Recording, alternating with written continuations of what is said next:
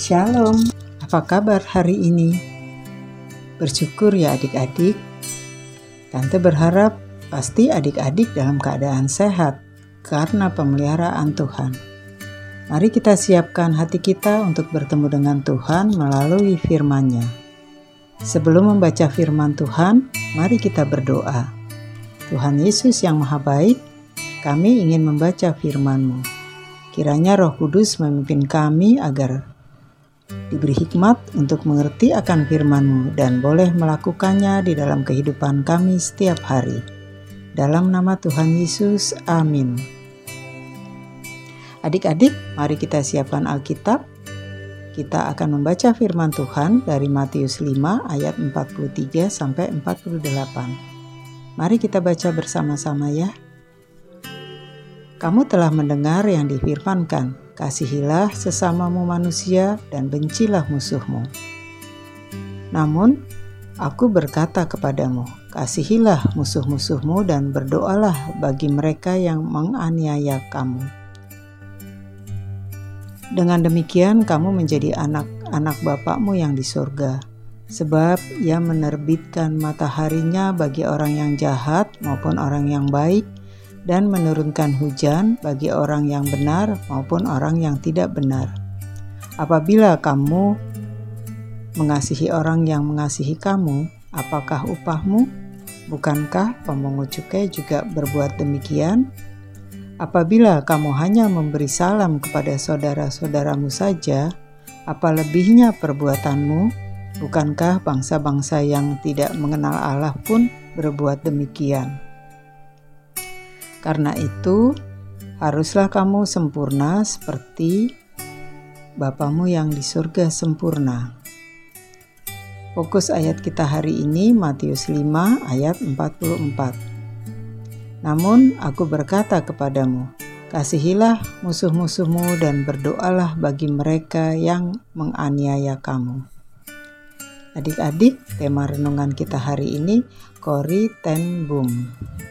Tidak banyak orang mengenal Corrie ten Boom. Dia orang biasa saja, kakaknya dan ayahnya pembuat jam tangan di Belanda. Lantai bawah rumahnya dipakai sebagai toko, lantai atas menjadi tempat tinggal mereka. Ketika Corrie berumur 48 tahun, ia melihat kekejaman perang. Banyak orang Yahudi uh, pejuang perlawanan Belanda dan siswa-siswa yang menolak bekerja sama dengan Nazi Jerman dianiaya dan dibunuh. Kori tidak tahan melihatnya. Sebagai keluarga Kristen, ia ingin berbuat sesuatu sesuai imannya. Ia ingin menyelamatkan orang-orang yang dicari pihak Nazi, tapi melalui cara khusus, yaitu tidak melalui kekerasan. Kori menceritakan idenya kepada keluarganya untuk membuat rumah mereka sebagai tempat pengungsian bagi mereka yang dicari-cari tentara Nazi. Keluarganya langsung menyetujui idenya. Mereka membuat ruang ruangan rahasia di lantai dua dalam kamar tidur Kori. Pintu masuk ruangan persembunyian itu ditutupi oleh lemari pakaian Kori. Ruang rahasia itu kecil, hanya sebesar dua setengah kali 7 meter, tapi dapat dimuati maksimal enam orang dengan posisi berdiri tanpa gerak. Namun, akhirnya usaha mereka diketahui tentara Nazi. Pada bulan Februari 1944, para agen rahasia Nazi menangkap Kori dan keluarganya mereka dimasukkan ke dalam penjara nasi yang kejam. Empat dari sepuluh keluarganya mati. Tetapi pada akhir tahun 1944, secara ajaib, Kori dibebaskan dan dapat kembali ke Belanda.